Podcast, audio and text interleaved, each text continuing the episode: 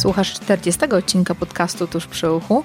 Ja nazywam się Katarzyna Bieleniewicz, a ten podcast nagrywam dla osób kreatywnych i przedsiębiorczych. Jeżeli interesuje Ciebie rozwój, relacje, biznes, odkrywanie swoich pasji, mocne strony, talenty, to zapraszam Ciebie serdecznie do słuchania tego podcastu. Cześć! Dzisiejszy odcinek już 40, czyli e, coraz bliżej do 50. Będzie to kontynuacja rozmowy z Sandrą Subel, którą mieliście okazję poznać w odcinku numer 39. Będziemy rozmawiać tym razem o tym, w jaki sposób praktycznie do naszego życia, naszego myślenia o swojej przyszłości, karierze można użyć myślenia projektowego design thinking. Momentów, kiedy podejmujemy jakąś decyzję, stoimy przed problemem, który jest bardziej zawiły niż odpowiedzenie tak nie e, robię, nie robię to właśnie podejście może Wam pomóc. Nie przedłużając, zapraszam Was do odcinka i też koniecznie zostańcie do końca, a tam będzie na Was czekał konkurs, w którym do wygrania będzie książka oraz workbook, który jeszcze mocniej pomoże Wam e, zaaplikować tą metodę, ten sposób myślenia do Waszego życia, do Waszej konkretnej sytuacji. Miłego słuchania! Witamy Was serdecznie jeszcze raz. W drugiej części rozmowy e, moim gościem jest Sandra Stubel. Rozmawiamy o design thinking, o tym sposobie, tym podejściu myślenia, które jest pomocne w rozwiązywaniu różnych problemów, szczególnie tych zawiłych, tych, których nie ma prostych odpowiedzi i warto jest mocniej przemyśleć to, co chcemy wprowadzić, to, co chcemy zrobić. I w poprzednim odcinku rozmawialiśmy o tym, czym jest ta metoda i dlaczego to nie jest metoda, z czego się składa, jakie jest zastosowanie, w jakich przypadkach może być praktyczna i co jest dla niej przydatne, i też trochę o takich mitach, faktach e, związanych z tym podejściem, z, tą, z tym sposobem myślenia. I dużo też mówiłyśmy o różnych książkach, które Sandra polecała. Jeżeli ten temat Was zainteresuje, warto go drążyć i więcej się na ten temat dowiedzieć. A dzisiaj chciałobyśmy mm, więcej opowiedzieć o tym, jak to zastosować praktycznie.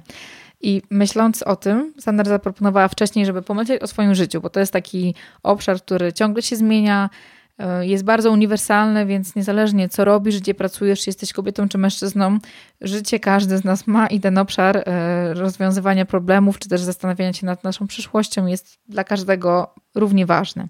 Może jeszcze bardzo krótko wrócimy do tego sposobu myślenia. Jakbyś jeszcze raz mogła powiedzieć, czym jest i dlaczego jest to fajna rzecz, żeby zastosować do myślenia o swojej przyszłości, o swoim, o projektowaniu swojego życia. Design thinking jako pewne podejście do rozwiązywania problemów, framework możemy podzielić na pewne fazy, o których rozmawialiśmy ostatnio i mamy fazę odkrycia, fazę e, badań, gdzie uczymy się na temat problemu i dowiadujemy się o wszelkich czynnikach na niego wpływających, interesariuszach, otoczeniu, kontekście. I to jest ta pierwsza faza, której następnie przechodzimy do fazy definiowania problemu, czyli zawężamy nasze myślenie i definiujemy konkretny problem, który udało się nam odkryć w czasie naszych badań. Poprzez zdefiniowanie konkretnego problemu, a problem dla nas jest bardzo ważny, ponieważ jako e, design thinkingerze kochamy problem, dzięki dobrze zdefiniowanemu problemowi, który, który sobie e, zdefiniujemy, możemy generować wiele potencjalnych rozwiązań do tego pomysłu. I wtedy generujemy ich tak dużo, jak to tylko możliwe. Nie mamy granic, tak? Im bardziej szalony pomysł, e, tym lepiej, ponieważ dopiero w momencie, kiedy, kiedy mamy całe spektrum, jesteśmy w stanie zdecydować i wybrać te konkretniejsze e, albo bardziej w danym momencie odpowiednie pomysły, które dalej prototypujemy i testujemy potencjalnymi użytkownikami. To tak bardzo, bardzo z taki e, helicopter view, jak to się mówi po mhm. polsku, tak? Czyli taki widok z lotu ptaka e, na, na, na temat design thinking. A dlaczego projektowanie życia i dlaczego wykorzy można wykorzystać e, w kontekście projektowania albo planowania życia w pewnym sensie? Wydaje mi się, że nie ma większego problemu, który można by nazwać to, o czym rozmawiałyśmy ostatnio, wicked problem, czyli ten bardziej zawiły problem niż samo życie. Mhm. Jest jedną wielką chodzącą niespodzianką. Są e, cudowne momenty, są trudne momenty i, i to życie jest tylko jedno. Dobrze przeżyte i zaprojektowane życie e, jest dobrym życiem, a wiara w to, że możemy na nie wpływać i je projektować, pozwala nam je zmieniać. Także to jest moj, moja myśl na ten temat. Bardzo pięknie powiedziane, tak głęboko. I do tego pomyślałam sobie od razu, jak o tym mówiłaś, przyszło mi do głowy osoby, z którymi ja też współpracuję, z którymi ja pracuję, które mają problem, myślę, że bardzo popularny dla nas wszystkich. I myślę, że ten problem możemy postawić sobie jako, yy, zobaczymy, czy to będzie ten problem główny, czy niekoniecznie. Duża ilość możliwości, które mamy w tym momencie. Powiedziałeś, że dobrze zaprojektowane życie, dla mnie to się kojarzy z czymś, co jest życiem świadomym, życiem, które ma jakiś cel, które nie jest przypadkowe, gdzie wybory dokonujemy sami, gdzie właśnie ta kreatywna pewność siebie jest widoczna, czyli robienie rzeczy, które nam sprawiają przyjemność, wykorzystywanie swoich talentów. I tutaj się pojawia taki problem, którego kiedyś aż tak nie było, czyli bardzo dużo możliwości, które mamy. Możemy robić to, możemy robić tamto, mamy bardzo dużo propozycji, które się pojawiają, bardzo dużą ilość osób, które wokół nas się pojawiają. E, mamy możliwość prowadzenia biznesu online, prowadzenia biznesu stacjonarnego, pracy na etacie, robienia tego, robienia mnóstwo, dużej ilości rzeczy i często dużym problemem jest umiejętność odnalezienia się w tym, tak żeby nie dryfować, tylko żeby jednak e, był jakiś kierunek, był jakiś taki cel, do którego dążymy, nawet jeżeli on nie jest bardzo mocno określony, to żeby mieć taki swój GPS i wiedzieć, czym się kierować, w jakim kierunku iść. I co ty na to, żeby problemem na razie takim pierwszym, który jest, to jest w jaki sposób wybierać, e, co jest dla nas ważne, będzie nasz problem w życiu? Możemy spróbować. Ja bym w ogóle chętnie zrobiła krok wstecz, bo moim zdaniem Twoja percepcja, że mamy dużo opcji i możliwości, wynika już e, z Twojej samoświadomości wysokiej, tak? Dużo osób jest na etapie, gdzie ma wrażenie, że dla nich y, świat się skończył. E, co ja mam zrobić z życiem? Ja pamiętam samą siebie, jak szłam na studia. Moja kreatywna pewność siebie była na poziomie minus 100. Jeszcze jestem starą maturą, tak? W sensie ja starą, poprzednią starą. Ja bardzo strategicznie podeszłam do tematu wyboru studiów. Ja byłam pierwszą osobą w naszej najbliższej rodzinie, która ukończyła studia wyższe. I, I, gdzieś taki był mm, presja, może nie, słowo presja nie jest właściwym słowem, bo to obciąża innych, tak? Ale Oczekiwania? Może, że, że na te studia powinnam pójść i najlepiej je skończyć. Ja nie wiedziałam, co chcę robić, jak miałam 18-19 lat. Wiedziałam, że wstydem będzie nie dostanie się na studia. Także wstyd tutaj był bardzo silnym motywatorem wyboru studiów, na które się dostanę. Dobrze pamiętam to, jak przeglądałam e, te informatory no, o uczelniach i, i jeszcze były takie fizyczne książki, takie, nie wiem czy pamiętasz. Tak, takie bardzo grube. E, gra o tron e, w formie informatora na temat uniwersytetu. I pamiętam, jak go przeglądałam i, i patrzyłam na to, na, na czym polega egzamin i szacowałam moje możliwości nauczenia się na pewno, żeby zdać. Mhm. I oczywiście znalazłam też taki plan rezerwowy, czyli konkurs świadectw. Takie, takie coś istniało wówczas. Więc konkurs świadectw w Rzeszowie. Także tam złożyłam swoje papiery, więc tam się dostałam na, z konkursu świadectw od razu, bo miałam średnią 6-0, więc trudno byłoby się nie dostać. A drugi wybór to była politologia we Wrocławiu, gdzie oszacowałam, że tak, jestem w stanie się nauczyć odpowiedzi na 360 pytań. No i taką strategię przyjęłam. Od początku czułam, że to nie tędy droga, Pamiętam moje pierwsze dni na zajęcie, jak chodziłam na, to, na te zajęcie i tak, no nie, jeszcze pięć lat, co dasz radę, jeszcze pięć lat. Ja te studia skończyłam. Ja te studia skończyłam, w międzyczasie jeszcze podjęłam studia na filologii hiszpańskiej i dzisiaj doceniam ten czas na studiach. Trudno, trudno go nie doceniać, ale bardziej z perspektywy ogólnego rozwoju jako, jako człowieka, niżeli wiedzy, bo wiedzy, szczerze powiedziawszy, niewiele pamiętam z tych studiów. Bo nie praktykujesz już teraz, więc. Nie praktykuję, ale też to była taka nauka w dużym stopniu zakuć, zdać, zapomnieć, tak? Mm. To nie była nauka z pasją, tak? To nie była nauka przez robienie, tak? To jest trochę tak w kontekście design thinking, że jak coś robimy, to też się uczymy, tak? To była bardzo teoretyczna nauka. A mówię o tym wszystkim właśnie, ponieważ to jakby w kontekście mojej osoby, design thinking pomogło mi zmienić mój sposób myślenia. To, jak moje wykształcenie formalne definiuje to, kim jestem i kim mogę być, i rozpoznawanie różnych możliwości na, na, na, na rynku dla siebie i, i dla samorealizacji. Także dlatego o tym wspominam. I myślę, że nie, nie jestem jedyna. Mhm. Okej. Okay. To może, wiesz co, może rzeczywiście twoja opcja będzie ciekawsza, bo ja zawsze miałam duże możliwości i dla mnie było bardziej trudność wybrania, określenia się.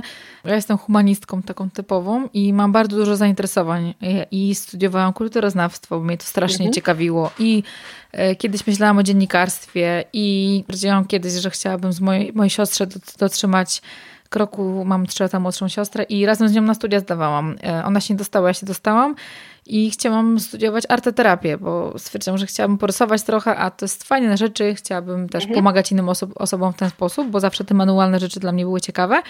Dostałam się na inny kierunek związany z pracą, z trochę z doradztwem zawodowym, trochę z taką wspieraniem osób w tym obszarze, więc super też. Mm, I zawsze miałam za dużo opcji, ja na przykład, ale wydaje mi się, że być może dla większość osób może mieć mniejszą ilość opcji. Ja myślę, że to nie chodzi o nieobecność tych opcji, tylko o ich zauważanie. Okay. Ja myślę, że opcje są, tak, bo przez to, że no mieszkamy, mieszkałyśmy w tym samym kraju, pomimo pewnych różnic wynikających z miejsca zamieszkania, trudno w tych czasach mówić o tym, że te opcje są inne dla ludzi. Oczywiście to nie jest tak, że każdy ma ten sam start, chociażby z perspektywy możliwości finansowych rodziny, uwarunkowań, o, o których my nie wiemy, ale zasadniczo te możliwości są bardzo przybliżone dla wielu ludzi, tylko wiele ludzi ich po prostu nie dostrzega. I ja byłam mhm. raczej tą osobą, która ich nie dostrzegała, bo wydaje mi się, że nie fair byłoby powiedzieć, że ja ich nie miałam. Myślę, że i rodzina e, pomagały mi i, i, i, chciały, żebym bym, e, e, robiła coś, co chcę robić, ale też nie bardzo wiedziały, jak to zrobić i pomóc. Mhm. Tak? Chodzi o dostrzeganie tych opcji, mhm. A niekoniecznie ich nieposiadanie. Tak? Mhm. Czasem, dopóki się nie potkniemy o coś, e, to tego nie widzimy, a czasem te rzeczy są tak, tak bliskie. Mhm.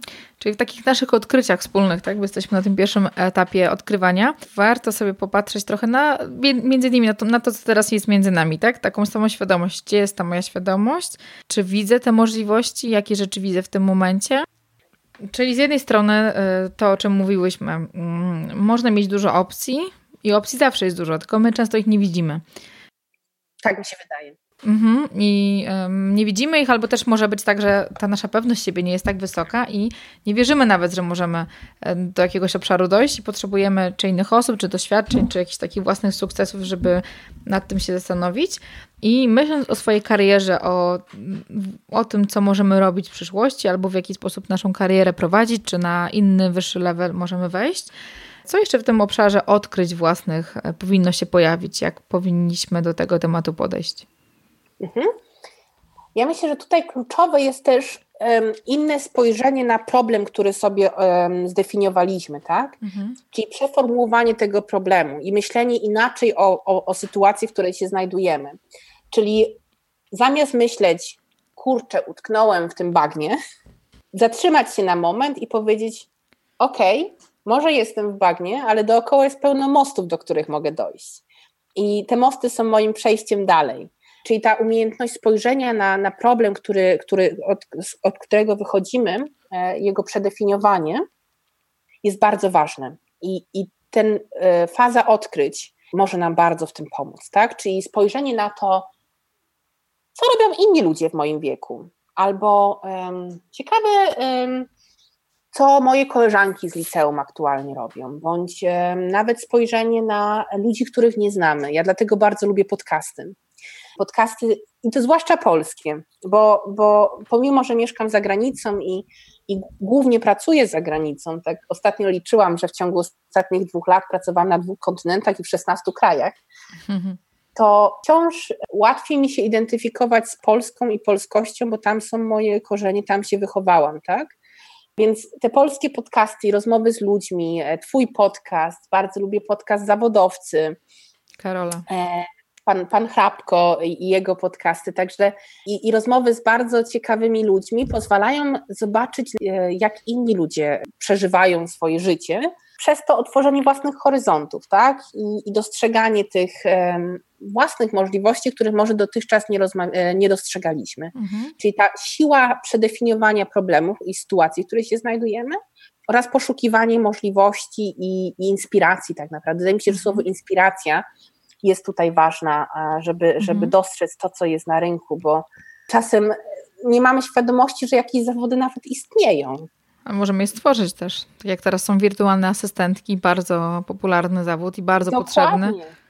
Mhm. Dokładnie, tak, tylko że tutaj, tutaj trzeba działać na tym wcześniejszym poziomie, gdzie ludzie muszą uświadomić sobie to, że my możemy to zrobić, tak? I możemy to wykreować, jeżeli będziemy wiedzieć, co chcemy zrobić, tak? Mhm. Czyli takie. Czyli takie wrzucenie sobie na tym pierwszym etapie odkrywania takiej ogromnej postawy bycia ciekawym, mhm. obserwacji takiej, założenia trochę okularów, które bardziej wyostrzają nasz wzrok na różne rzeczy, obserwacja tego, co robią inni, w jaki sposób inni działają, co jest, jakie są trendy być może, jakie są rzeczy nowe, czyli nie podejmowanie decyzji, bardziej obserwowanie, zauważanie jakichś takich elementów, które e, zatrzymują nas, nasz wzrok trochę. Mhm. Ja myślę, że tu fajnie, że użyłaś to słowo ciekawość, które w języku polskim ma takie nawet pejoratywne znaczenie, prawda? Bo to bardziej często myślimy ciekawość w znaczeniu wścibskim, tak? Mhm, ciekawskie. A to, E, ciekawski, wścibski, tak? A tu chodzi o taką ciekawość, czystą ciekawość, to takie curiosity, e, mhm. e, taką duszę odkrywacza, tak? I, I to jest zdecydowanie coś, co, co jest bardzo ważne i, i, i byłoby takim kluczem do tego sukcesu na początku, czyli to otwarcie, odkrywanie, dowiadywanie się, zadawanie pytań, uczenie się, poznanie też siebie, bo spojrzenie na własne życie, czyli na przykład zbudowanie sobie takiej swojej ścieżki życia w projektach design thinking często budujemy taką ścieżkę klienta, customer journey, na przykład w kontekście jakiejś usługi albo zakupu jakiegoś produktu. Ale e, to samo narzędzie możemy wykorzystać w kontekście naszego własnego życia i spojrzenie, co się działo, jakie były takie kroki milowe albo takie krytyczne momenty w naszym życiu, które wpłynęły na to, kim jesteśmy i co robimy. I jak można wykorzystać to dalszym naszym życiu i w dalszym projektowaniu tego, co chcemy robić. Więc mhm. te narzędzia można też wykorzystać w takim codziennym e, podejściu do nas, na, naszego własnego życia. Mhm.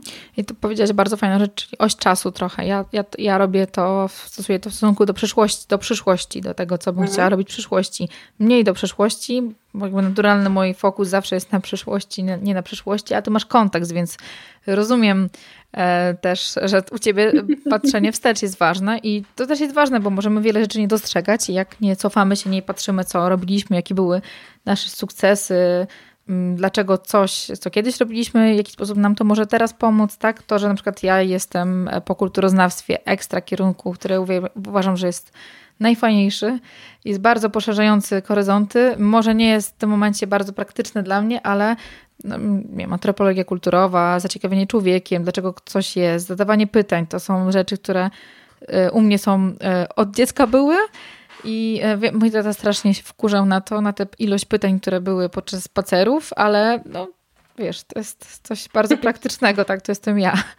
I tutaj też do tego, myślę, że to, czy do tego obszaru odkrywania jest też, e, byłoby przydatne narzędzie e, odkrywania swoich mocnych stron, czy dalej mhm. bardziej obserwacja tego, jakie są moje sposoby myślenia, jakie są moje sposoby działania, jakie też... Nie, zdecydowanie mhm. moja pierwsza myśl to jest raczej zdecydowanie na tym etapie, tak? Mhm. Tutaj, gdzie mamy to szerokie myślenie, to divergent thinking, tutaj wszelka wiedza na temat nas samych i otoczenia jest wartością dodaną, tak? Budujemy sobie ten, mam ten koszyczek i sobie wrzucamy wszystko, co może nam pomóc, tak? jeszcze nie podejmujemy decyzji, co konkretnie wykorzystamy z tego koszyczka na tym naszym życiowym pikniku, ale e, budujemy ten koszyk, tak?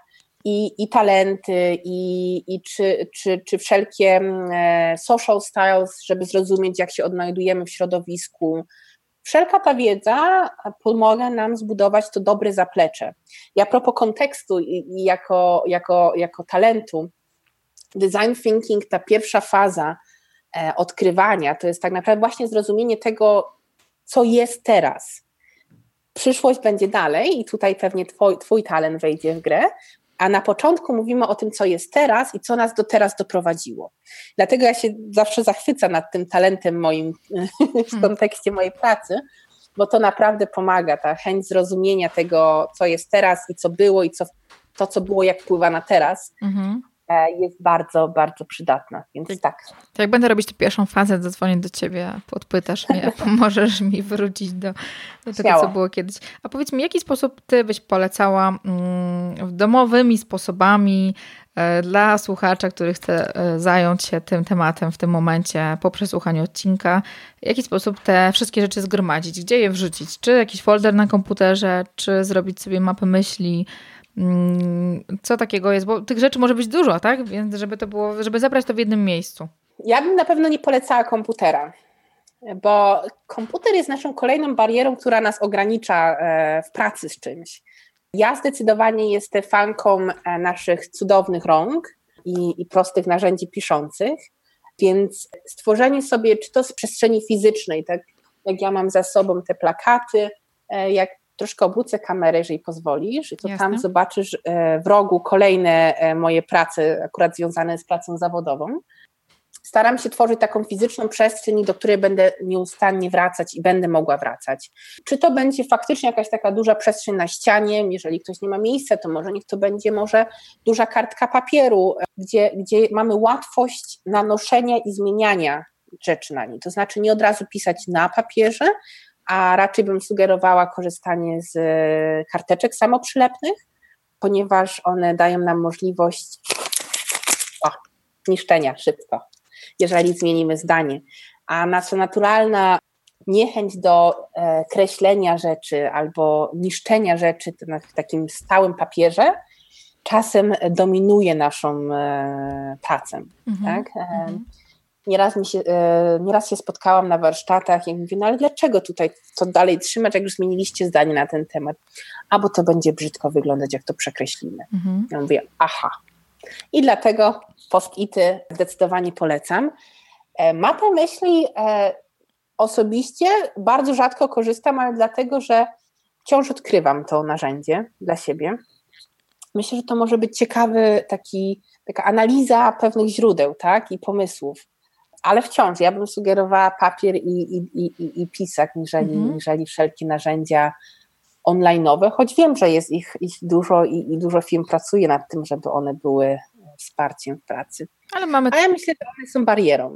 Ale bo... mamy, wiesz, mamy tą możliwość, że my tutaj e, dzisiaj rządzimy we dwie i dzisiaj tutaj naszym, naszym poleceniem jest papier. Ja też na papier przeszłam ze wszystkich rzeczy prawie. Myślę, że wrócę, wrócę do aplikacji, ale widzę, że strasznie dużo czasu tracę i mnie bardzo ciąga komputer od robienia, od skupienia hmm. po prostu. Bardzo strasznie ciężko mi się skupić, więc zaczęłam też używać, um, kupiłam sobie te karteczki elektrostatyczne, bo są bardzo hmm. fajne i i e, tak jak jest, mamy takie narzędzie Trello, tak?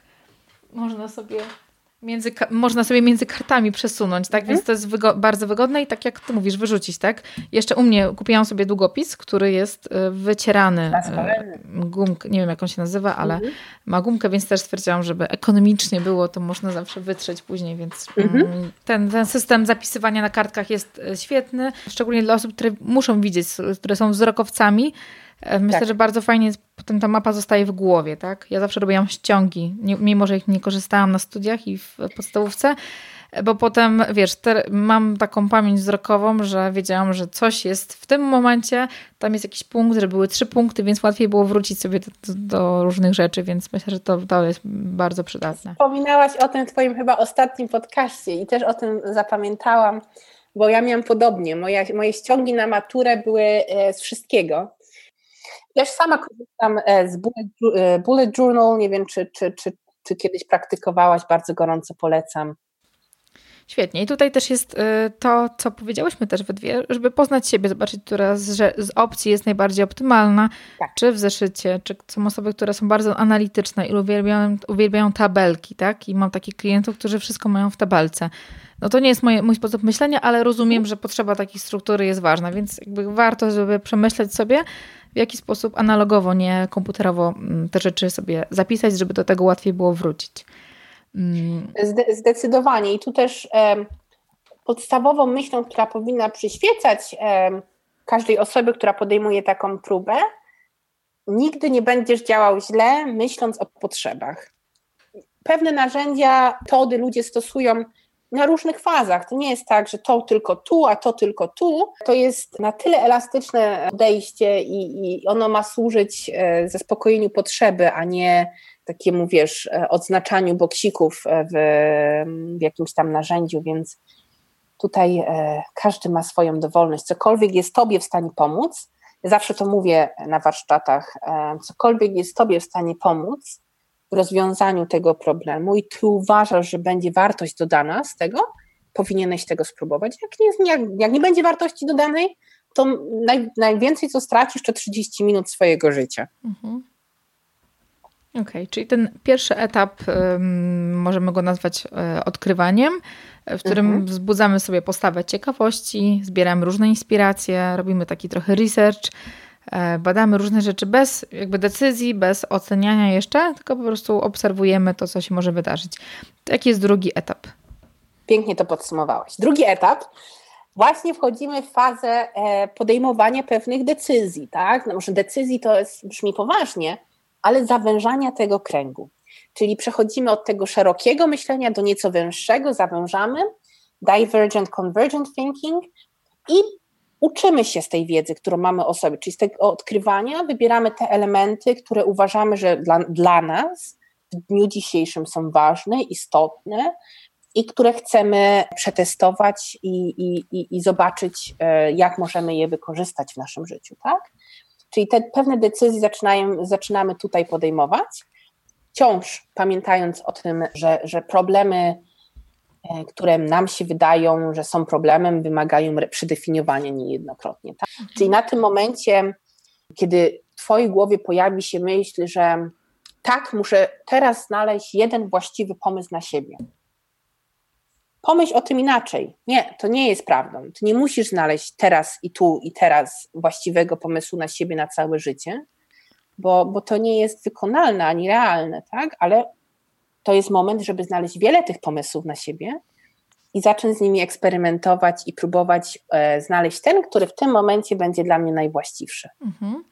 E, powiedziałaś o wybraniu z tych różnych opcji. To mm, naturalne pytanie, które mi się pojawia, to jest jakie kryterium wyboru, e, co możemy przyjąć, co nam może pomóc wybrać, dokonać wyboru? Wiesz co? Ja w pracy często wykorzystuję taką prostą matrycę. Jeżeli ktoś ma taką potrzebę analityczną podjęcia decyzji, przeredefiniować na potrzeby tego projektu, o którym teraz rozmawiamy, czyli zrobić sobie poziomą linię, na przykład, na której powiemy, że to jest linia szczęścia. Jeżeli zrobię to, to jak bardzo szczęśliwy wydaje mi się, że będę, albo jeżeli nieszczęście, to niech to będzie Pieniądze na przykład. Pieniądze albo czas, mhm. tak? A na drugiej, jak trudne to będzie do osiągnięcia. No i taka analiza tych, tych elementów na tej matrycy pokaże nam, gdzie poszczególne elementy się znajdują i, i, i ja wierzę, że, że, że jest nam w stanie pomóc podjąć naszą ostateczną decyzję. Także to jest jeden z wielu pomysłów, tak? Te narzędzie, które ty wykorzystasz do podjęcia tej decyzji jest wtórne, ponieważ tak właśnie powiedziałeś przed chwilą, ty nie szukasz jednej właściwej idei jeszcze. A tak naprawdę ja nie wiem, czy kiedykolwiek ona jedna właściwa będzie w kontekście naszego życia. Ale ty szukasz jaki, jakiegoś kierunku, tak? I to kierunku na ten moment. Jeżeli, jeżeli się okaże, że to nie ten kierunek, design thinking, iteracyjność, tak? Wracamy i powtarzamy proces, tak? E, ponieśliśmy tą szybką porażkę, z której się szybko czegoś nauczyliśmy i wracamy z powrotem, żeby szukać naszego sukcesu. Okay, czyli ta matryca wydaje mi się, że jest dosyć prosta, żeby na, na, sam początek, żeby nie, nie robić czegoś trudnego, bo być może to rozwiązanie nie będzie wcale fajne, tak? I to jest mhm. tylko na razie e, projekt i pomysł jakiś.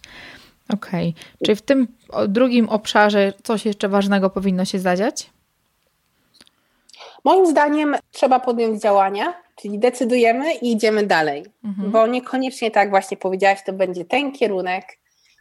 Trzeba uzbroić się pewną cierpliwość, ja myślę. Może to nie, nie dotyczy się tej fazy konkretnie, tylko bardziej całego tego podejścia, tak? Czyli ten, ten mindset e, eksperymentowania i próbowania cały czas jest z nami. Ale okay. ponad to po prostu idziemy dalej Dobra, próbujemy. Czyli próbujemy, mamy taką gotowość do działania w sobie. Mm, na zasadzie to nie jest na, na zawsze, tylko to jest test.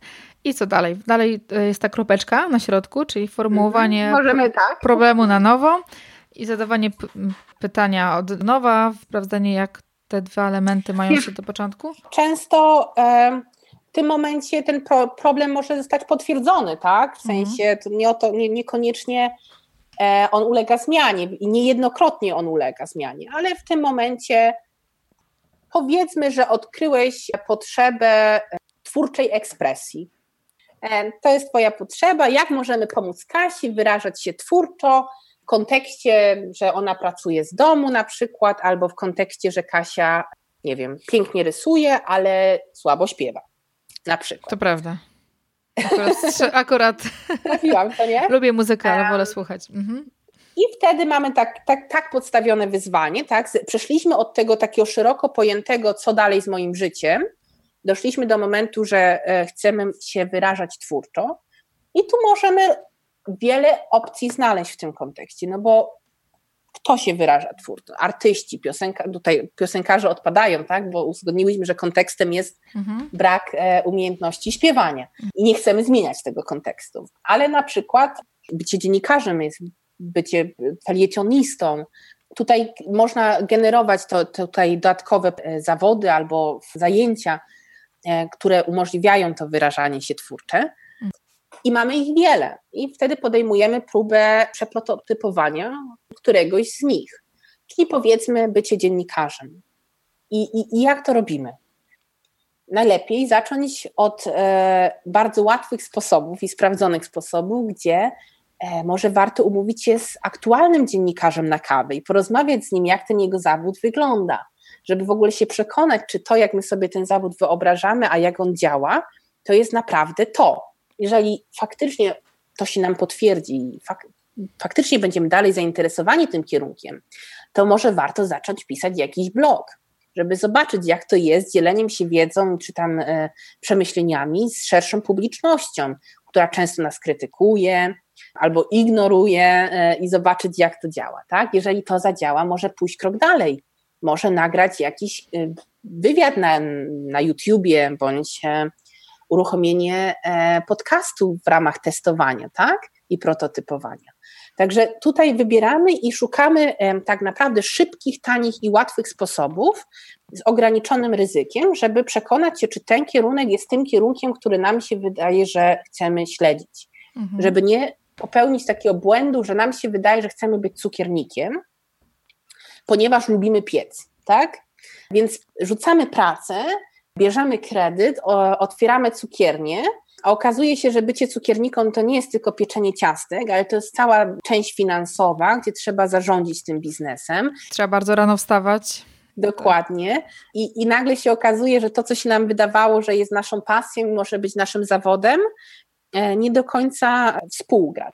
Mhm. Ale już rzuciliśmy pracę, wzięliśmy kredyt i znowu utykamy w tym e, inicjalnym bagnie, tak? Więc to jest naszym celem.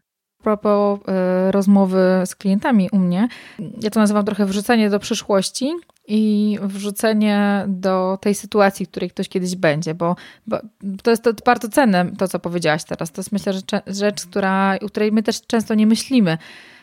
Tak jak, tak jak teraz wiele osób chce pracować zdalnie, e, z domu na przykład, tak? I mm, ja nagrałam chyba jakiś odcinek kiedyś o tym i często my nie wiemy, z czym to się wiąże, bo nie, nie robiliśmy jeszcze tego i być może to jest w ogóle nie jest nic, co dla nas jest odpowiednie i e, dla mnie też często ja staram się wrzucić kogoś do przyszłości, do tej sytuacji, w której będzie, żeby on się mógł poczuć, zobaczyć, e, skonfrontować, czy nasze te potrzeby, to co mówisz, są, mhm. jak się mają do tego, co chcemy wykonać, bo być może E, to będzie ani nic, nic ciekawego, ani um, nasze wyobrażenia są trochę za bardzo wybujałe, mamy jakąś nie, nieodpowiednią ilość danych do tego, więc myślę, że to jest strasznie ważne, bo y, dla mnie też bardzo ważną rzeczą jest podejmowanie decyzji. Ja mam też wysoko rozwagę, jeden z takich talentów, więc mhm. ja nie lubię podejmować pochopnie decyzji. Czasami mi się zdarza, potem e, wycofuję się z nich czasami, ale mm, to, co powiedziałaś, oszczędza nasz czas, a nasz czas jest chyba najcenniejszą rzeczą bo szkoda inwestować w coś, rzucać pracę albo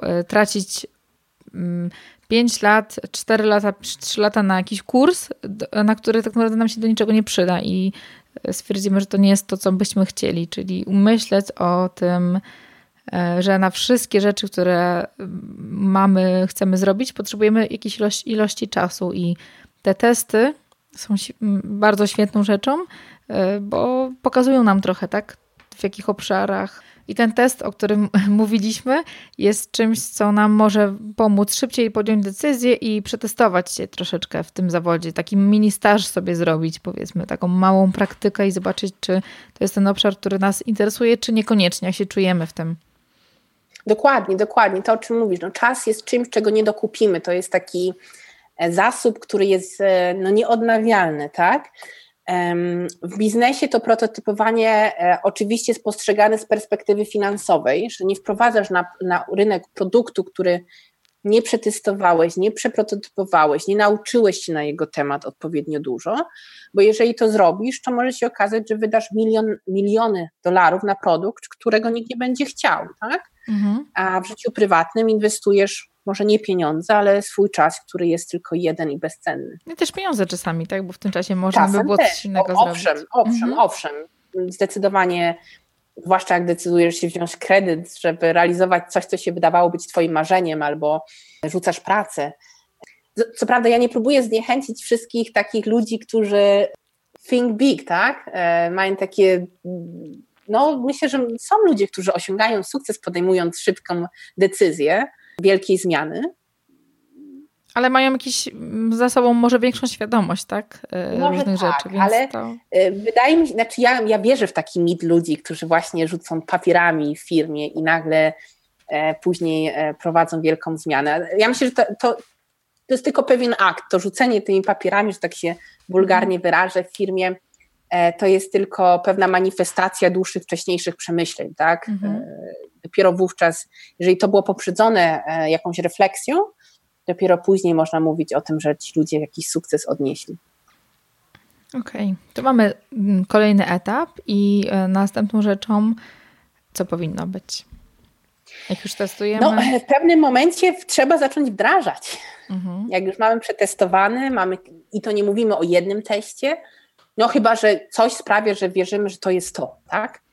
Ale ja bym zdecydowanie sugerowała kilka prototypów, czyli nie wiem, spróbujmy pomyśleć o dziennikarstwie, o cukiernictwie i o, nie wiem, prowadzeniu własnej kawiarni e, jako przykładach. E, no i w pewnym momencie podjęcie decyzji, no niestety, nieuchronnie się zbliża, tak?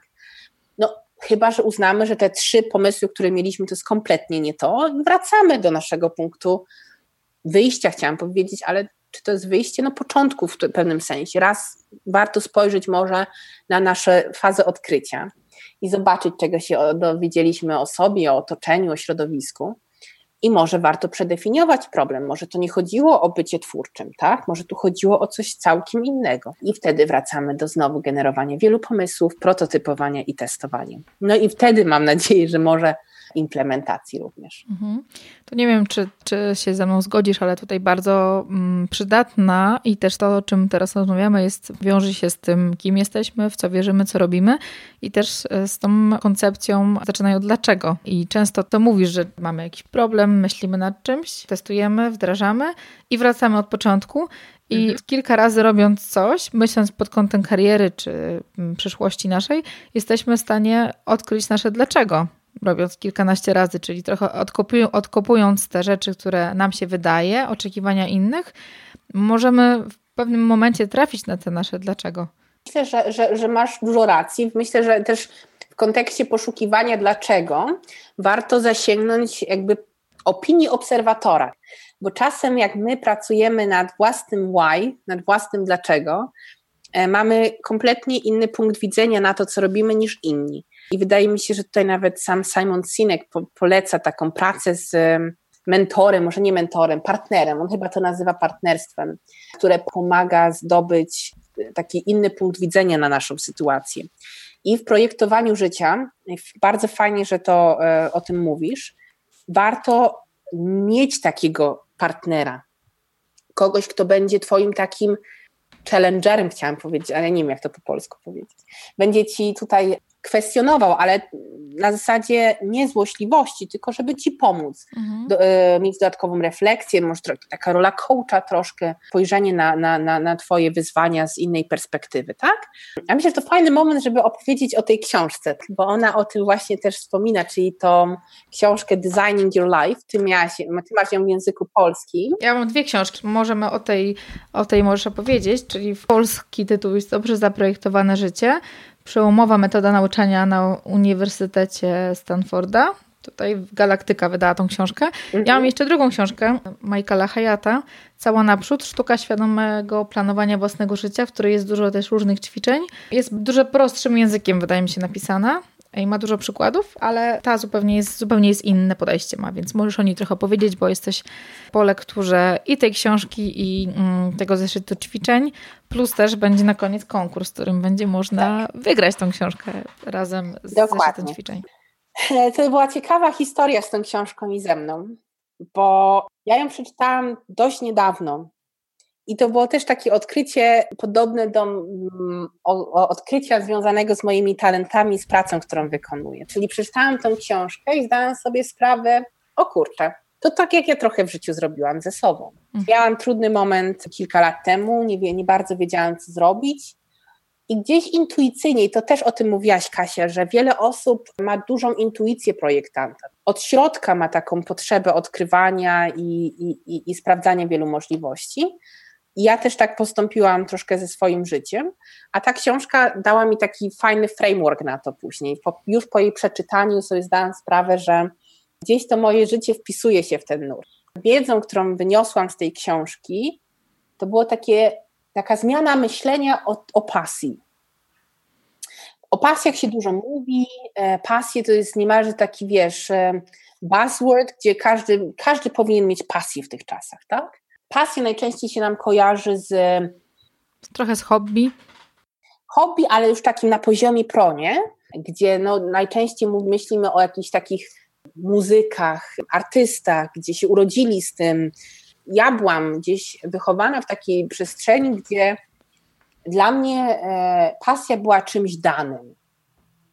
Że pa, z pasją trzeba się urodzić. Czyli tak jak z talentem trochę, tak? Masz talent do czegoś i Myślę, myślę że tak, że, że można to porównać. Tak. A ta książka pozwoliła mi zmienić sposób myślenia na ten temat. Taki, wiesz, e, reframing tego problemu nastąpił, gdzie autorzy podkreślają, że pasja to jest wynik ciężkiej pracy. Ciężka praca, to, to, to żeby stać się dobrym muzykiem, można mieć do tego predyspozycję, ale żeby zostać profesjonalnym skrzypkiem, to mówi się chyba o tych 10 tysiącach godzin, tak, którą człowiek musi spędzić, żeby żeby zostać tym takim mistrzem w jakiejś sztuce. I, i pasja, pasja ma wiele z tym wspólnego, tak? Trzeba szukać, próbować różnych rzeczy, można mieć ich wiele, e, mogą się one zmienić i, i to napełniło mnie taką pozytywną postawą do pasji, tak? Że, że, że można je mieć, zmieniać, próbować różne rzeczy. Także, także ta książka dużo zmieniła w moim życiu i polecam. E, I też będzie do wygrania. Może powiemy o konkursie? Może na, na, koniec, może czy na teraz? Koniec, dobra. Na koniec, okay. Może na koniec. Także, mm. także ta książka jest o tyle ważna w kontekście tej rozmowy, o której mówimy, o, o szukaniu why i dlaczego um, oraz e, partnerstwa, ponieważ tutaj autorzy sugerują, i ja myślę, że to jest świetny pomysł, zbudowanie takiego, takiej małej grupy ludzi, którzy, e, którzy mają podobny cel, czyli przedefiniowanie tego życia, gdzie jesteśmy dla siebie wzajemną inspiracją, wzajemnym, wzajemnym wsparciem, sami e, nawzajem się challenge'ujemy. Ja bym sugerowała właśnie, jeżeli ktoś by chciał podjąć taką próbę przeprojektowania swojego życia, żeby znaleźć co najmniej jednego partnera, jeżeli nie grupę ludzi, którzy chcieliby coś podobnego doświadczyć i zrobienie tego wspólnie. Mhm. Tutaj się pojawia taki, takie jedno zdanie, prośba o pomoc, tak? Jak już wiemy, co byśmy chcieli, czy tam kilka pomysłów mamy na siebie, to możemy wtedy pomyśleć, kto mógłby mi pomóc, albo z jakimi osobami będzie mi po drodze, jakie osoby będą dla mnie wyzwaniem, jakie też inne spojrzenie chciałbym usłyszeć, jakie y, mhm. osoby się mogłyby pojawić. I ten, te partnerstwa, o których mówisz, to jest bardzo, faj, bardzo fajny temat, bo ja też mam jedną osobę, z którą pracuję w takim systemie produktywności osobistej, czyli sobie tam robimy raporty z zadań naszych, które mamy co tydzień i ona mi pomaga też robić takie spojrzenie na przeszłość, czyli co już zrobiłam. A jestem też w grupie Mastermind, którą bardzo też polecam, bo to mhm. też jest super rzecz, bo mamy, nas, nas, jest, nas jest trzy osoby, każda jest zupełnie innej branży i z innego obszaru, ale mm, wybrałam jej kluczem bycia konkretnym bo mi na tym zależało, żeby to były mhm. konkretne jakieś myśli. Więc to jest bardzo fajna rzecz, bo te perspektywy, często my nie widzimy tych opcji różnych, nie widzimy tego, co my możemy, mm, patrzymy na siebie z naszym filtrem, a te osoby mogą nam, nam wnieść bardzo dużo rzeczy i nam popchnąć nasze działanie dużo szybciej do przodu. I możemy na nich testować też, pytać się o różne rzeczy. Zdecydowanie, wiesz, w tym kontekście mi się nasuwa to powiedzenie, mm, które podobno Henry Ford powiedział, że gdybym zapytał ludzi, czego potrzebują, powiedzieliby, że potrzebują szybszych koni. Mhm. I taki jest też problem chyba z ludźmi, że nie do końca wiedzą, czego chcą. I to spojrzenie z boku kogoś z zewnątrz naprawdę jest w stanie dostarczyć niesamowitą wartość dodaną. Ja też jestem zdania, iż, iż projektowanie dla samych siebie, tylko przez samych siebie, nie doprowadzi nas do, do, do dobrego rozwiązania. Czyli tutaj ta kolaboracja, współpraca, która przyświeca całemu podejściu design thinking. Autorzy y, ze Stanford mówią o radykalnej kolaboracji, czyli radykalnej współpracy, mamy taką grupę bardzo zdywersyfikowanych e, członków zespołu e, pod względem czy wyznaniowym, czy, czy, czy gender, czy doświadczenia zawodowego, wieku. To spojrzenie takie multidyscyplinarne. Oni mówią o tym takim T-personality, czyli taka person, osobowość T, gdzie mamy ten taki silny core i jednocześnie tą interdyscyplinarność. To wszystko się sprowadza do, do sukcesu. I tutaj w tym przypadku projektowania życia, moim zdaniem, też to jest ważne, nie należy o tym zapominać. Mhm. I mamy ten ostatni właśnie etap i e, co na końcu się powinno wydarzyć, bo wspominałaś w poprzednim odcinku, że e, ten proces nigdy się nie kończy, ten proces trwa cały czas, bo się pojawiają nowe wyzwania, pojawiają się nowe problemy. My stwierdzamy, że chcemy trochę przedefiniować nasze te obszary, w których teraz jesteśmy i znowu wracamy do tej pętli i kolejny raz e, wchodzimy w ten, e, w ten system myślenia. Mhm. Moim zdaniem tutaj mamy duże, duże początkowe zaplecze, czyli dobra dokumentacja w pewnym sensie tego, co robiliśmy wcześniej, jest podstawą do dalszych iteracji. Nie wiem, jakie jest Twoje zdanie, może, może się podzielić z nim, z nami teraz, na temat naszych ścieżek zawodowych, tak? E, w tych czasach chyba trudno mówić o mm, jednej ścieżce na, na zawsze. Pamiętam Twoją rozmowę z Dagną, która bardzo radykalnie zmieniła swoją karierę zawodową. I myślę, że, że powoli zaczyna być normą, że, że nie wybieramy nawet takich zawodów jak bycie lekarzem na całe życie, bo, bo, bo jest to jedno życie i, i te zmiany, każdy ma potrzebę zmiany, tak? Może nie, większość z nas ma potrzebę. No właśnie, wiesz co, odkrywam to ostatnio, bo mm, ja od urodzenia jestem osobą, która uwielbia zmiany. Nie, ja, ja, nigdy nie, nie byłam w stanie w jednym miejscu jakoś długo wytrwać, dlatego na przykład dla mnie przeprowadzenie się też z Warszawy do, na Mazury, tak, gdzie ja nie, nie znam Mazur, tak, bo ja zawsze w góry wyjeżdżałam, jestem górska dziewczyna, nie mazurska zupełnie, ty też jesteś z Zakopanego, znaczy ja nie jestem z Zakopanego, tak. ale też jesteś, um, pochodzisz z gór, więc wiesz, jak tam jest pięknie, tak, dla mnie to jest coś fajniejszego, ja w ogóle nie lubię wody, więc e, zmiana, wiesz, z Warszawy na mniejsze, mniejszą miejscowość nie była problemem, tak, teraz też się chętnie przyniosę gdzieś i mm, myślę, że to też jest ta samoświadomość tutaj też znowu wraca. Jakim jesteś typem mhm. osoby? Bo są osoby, które panicznie się boją jakiejkolwiek zmiany i nie chcą zmieniać. Pracują ileś tam lat w jakimś jednym miejscu i dla nich to jest super i mm, nie można na nich nawracać na siłę, ale też e, a propos zawodów, tak, wiele zawodów, które teraz są, nigdy ich wcześniej nie było, tak, i one powstały, mhm. jak my, nie wiem, który jesteś, który jesteś rocznik, tak, ale jak, jak stara matura, to w podobnym wieku pewnie jesteśmy. Kiedyś pewne zawody, które były w informatorze albo na tym takiej klasyfikacji zawodów nie istniały, tak? Są zawody, które wymierają, tak? Szewc, już mało szewców jest, niestety, ciężko znaleźć, tak? niestety. tak? Czy, czy, jakieś inne zawody. Łatwiej nam jest kupić coś nowego niż naprawić stare rzeczy, tak? I są zawody, które dopiero wchodzą. E, był kiedyś, mm, jak się pojawiły Pokémony, tak?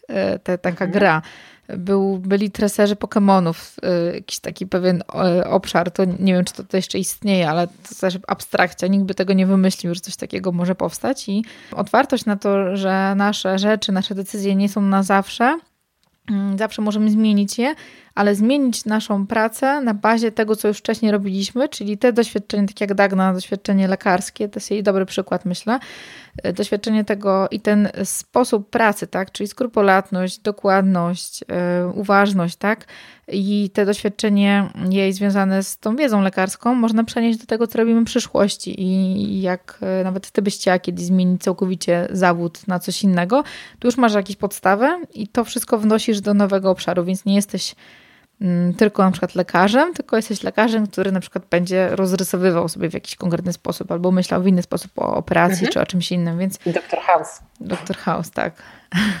na przykład ciekawy. No więc tutaj, tutaj ja, ja bym pomyślała nad tym, żeby rzeczywiście mieć taką otwartość na to i eksperymentować i trochę dać sobie właśnie gotowość do działania, do testowania różnych rzeczy, bo nasze zawody mamy zawsze możliwość wszystkiego nauczenia. I tak jak mówiłeś o tych iluś godzinach, tysiącach godzin, wiele osób, które myślą o dużych projektach, dużych rzeczach, yy, przeraża się tym, bo to jest tak dużo rzeczy do zrobienia, żeby dojść do tego poziomu mistrzowskiego, o których oni myślą. I jest ileś tam tysięcy godzin, które muszą zrobić, żeby być na tym poziomie. Tak samo jak ja zaczynałam podcast, też stwierdziłam, że to jest rok na rozruch nie wiem, czy to pójdzie, czy to będzie popularne, czy ktoś będzie mnie słuchał, czy tylko kilka osób z rodziny. I to był mój test, tak? I udał się, więc zostaje na razie. E, podcast Dokładnie. będzie dalej działał, więc. Mhm. Dokładnie. Fajnie to, to, to ujęłaś w swoim przykładzie. Czasem też ważny chyba jest trochę taki upór. Wiele, wiele takich przekonań e, w społeczeństwie, że, że niektóre rzeczy są dane, e, nawet talent, tak? To, o czym wspominałyśmy wcześniej, bardzo lubię książkę Angeli Duckworth, która właśnie mówi o uporze e, w kontekście talentu, tak? Że, że talent bez uporu jest niczym. Jednak upór, upór ale w takim znaczeniu woli podążania za celem ciężkiej pracy, tak? E, jest, jest, jest bardzo ważny. Tak? Mhm. Często się spotykam w kontekście z mojej pracy zawodowej, gdzie, gdzie ludzie wyobrażają sobie, że, że moja praca to troszeczkę jest takie chodzenie z tą kurą i z tym dzwoneczkiem i zegarkiem i mówienie ludziom, co będziemy teraz robić. I im się wydaje, że właśnie tak wygląda moja praca. I, i, i bardzo lubię ich wyprowadzać z tego błędu e, i dawać im możliwość doświadczenia. Daję im tą kurę i daję im ten dzwonek, i oni wtedy sobie zdają sprawę, że to nie tylko o to chodzi. Więc mhm. to, to jest bardzo, bardzo ciekawa, ciekawa sfera. Reasumując to, o czym rozmawiamy, pozostanie otwartym na możliwości i świadomość tego, że nie wybieramy raz na zawsze i chęć dokonywania kolejnych prób i, i wyzwań jest bardzo ważna. Tak? I tutaj myślę, że wielu osób może czuć dyskomfort, tak? bo to jest duży wysiłek znalezienie tej jednej rzeczy i gotowość na zmianę po tym dużym wysiłku. To nie jest nic łatwego, tak? bo zakochujemy się często w naszych rozwiązaniach zbyt szybko i za wcześnie, mhm. a, a, świat pędzi dalej. Mhm. Bardzo ładnym podsumowaniem jest e, to, co powiedziałaś w poprzednim odcinku, czyli e, nie design thinking, tylko design doing, bo te thinking to jest e, coś, co nam może zostać i nie będzie efektów żadnych naszego myślenia. I my często zostajemy na tym etapie myślenia, nie sprawdzamy, a mm, tutaj to, co mi się z tej metodzie bardzo podoba, to jest działanie, robienie, testowanie, próbowanie z takim, taką dużą otwartością, poczuciem takim, że czas, który pływa tylko i wyłącznie na myśleniu, to jest trochę czas, czasem straconym, a czas, który zawsze poświęcamy na działanie, nawet jak podnosimy jakieś porażki, to jest czasem, którego możemy dużo, dużo, dużo wyciągnąć, więc jakby więc warto robić, warto działać, a na koniec też mamy dla Was takie wezwanie do działania, konkurs, który możecie wygrać dwie, jedną książkę razem z zeszytem ćwiczeń. Bardzo fajne, bardzo Wam polecam, więc trzeba się troszeczkę postarać. Mm, to nie będzie proste ćwiczenie dla osób, które chciałyby coś fajnego zrobić, chciałyby się tego nauczyć. Korzystając z tych, z tych poleceń, z tej książki, Sandra ma dla Was małe zadanie na koniec i mały konkurs. Tak, e, słuchajcie. Dla wielu osób design e, kojarzy się z pięknymi przedmiotami.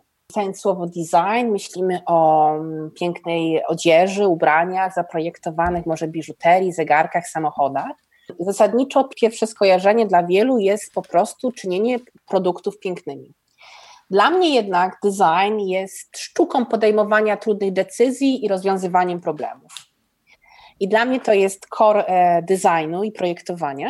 I w tym kontekście mam dla Was pytanie konkursowe. Chciałabym, abyście napisali do Kasi o produkcie bądź usłudze, którą uważacie, że jest dobrze zaprojektowana i dlaczego. Czyli produkt bądź usługa, która Waszym zdaniem jest dobrze zaprojektowaną usługą bądź produktem i dlaczego tak uważacie.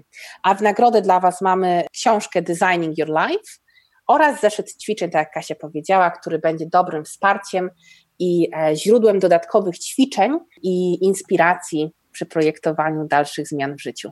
Świetnie, więc zapraszamy. W notatkach do odcinka będzie konkurs i tam w komentarzach zapraszamy do zostawiania Waszych odpowiedzi, a mm, my razem z Sandrą wybierzemy te, które będą najciekawsze i ta osoba dostanie właśnie te rzeczy. To na koniec jeszcze Sandra powiedz, gdzie możemy Ciebie znaleźć, gdzie szukać informacji o Tobie, gdzie najlepiej Ciebie obserwować i uczyć się od Ciebie fajnych rzeczy. Ja jestem wielką fanką Instagrama jako medium społecznościowego i tam też mnie znajdziecie jako Sandrę Subel bądź e, Dobro Design. Jestem również aktywna na LinkedInie i tam mnie znajdziecie jako Sandra Subel.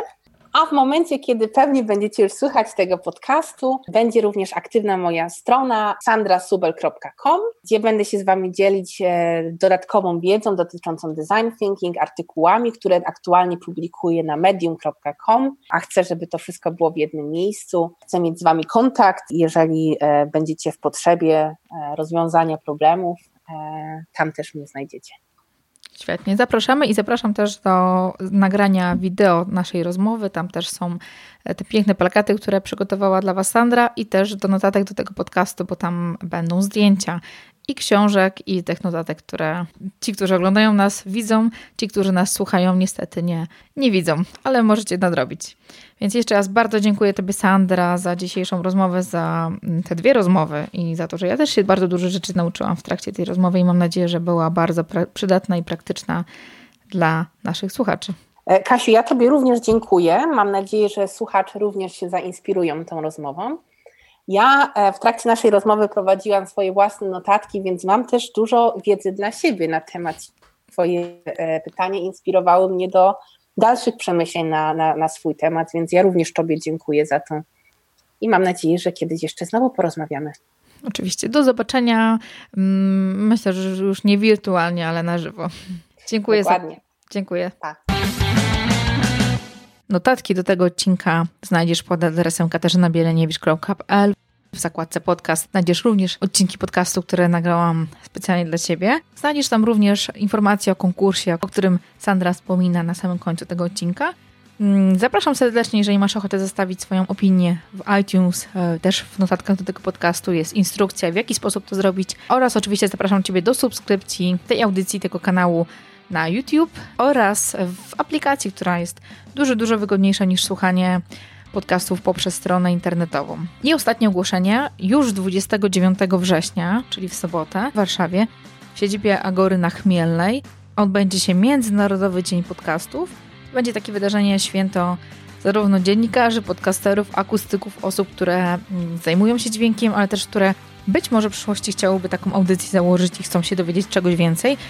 E, będziecie też mieli okazję tam też spotkać swoich podcasterów, jeżeli oczywiście się wybierają na tę imprezę. Więc 29 Międzynarodowy Dzień Podcastów. Mam nadzieję, że do zobaczenia 29 i do usłyszenia już niebawem. Pozdrawiam, cześć!